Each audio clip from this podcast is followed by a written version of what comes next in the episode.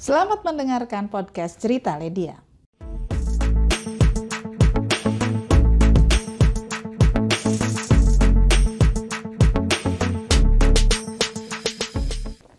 Assalamualaikum warahmatullahi wabarakatuh. Sedang apa coba malam ini? Kita pingin ngobrol-ngobrol terkait sama pendidikan karakter. Kenapa sih pendidikan karakter ini penting?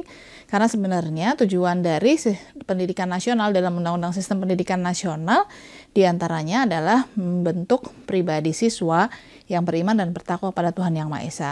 Termasuk di dalamnya ada bagaimana dia kemudian menjadi pribadi yang bertanggung jawab. Jadi kan nggak bisa kalau cuma ngandelin pelajaran sekolah yang kognitif aja. Ya, kalau kita lihat misalnya gini, pertanyaan-pertanyaan itu juga suka mengarahkan.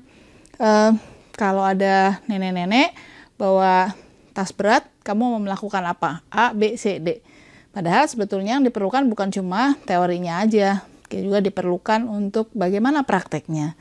Ini memang memerlukan energi tersendiri ya, terutama bagi guru untuk melakukan pendampingan sehingga nanti bisa membentuk karakternya. Tapi karakter itu harus dibentuk secara konsisten di rumah, di sekolah, dan di masyarakat. Jadi guru yang paling efektif adalah ketiga unsur ini tadi yang harus memberikan uh, teladan dan juga mengingatkan karena tadi proses pembentukannya, pembentukan perilaku itu menjadi satu hal yang sangat penting. Kalau di Kementerian Pendidikan Kebudayaan Ristek ada pusat penguatan karakter, dia sifatnya hanya untuk melakukan e, satu upaya-upaya pengingat.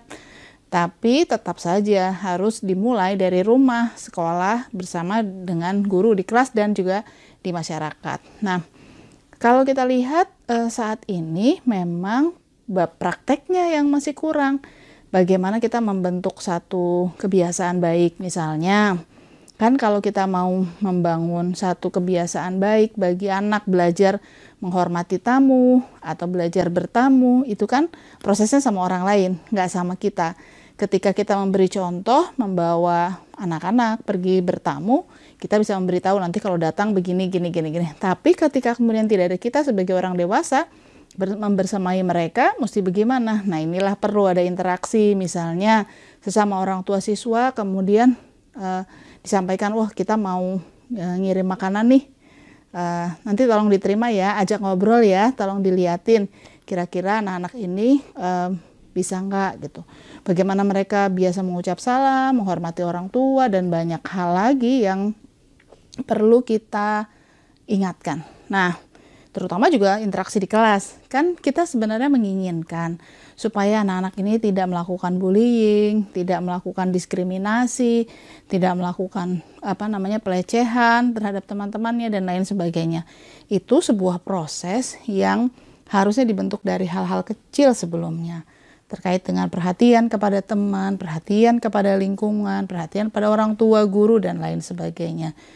Kadang-kadang kita menganggap itu sebagai hal-hal yang sepele, tapi di situlah sebetulnya titik tolak dari pembangunan karakter-karakter berikutnya yang harusnya bisa dijalani.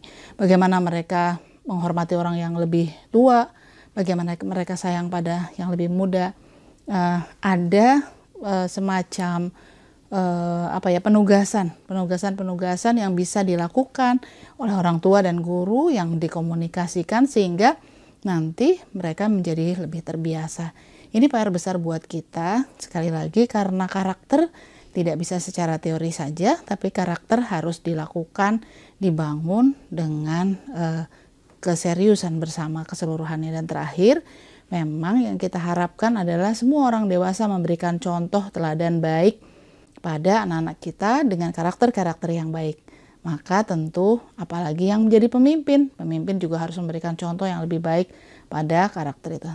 Dan mudah-mudahan ini bisa jadi diskusi kita bersama. Terima kasih. Assalamualaikum warahmatullahi wabarakatuh.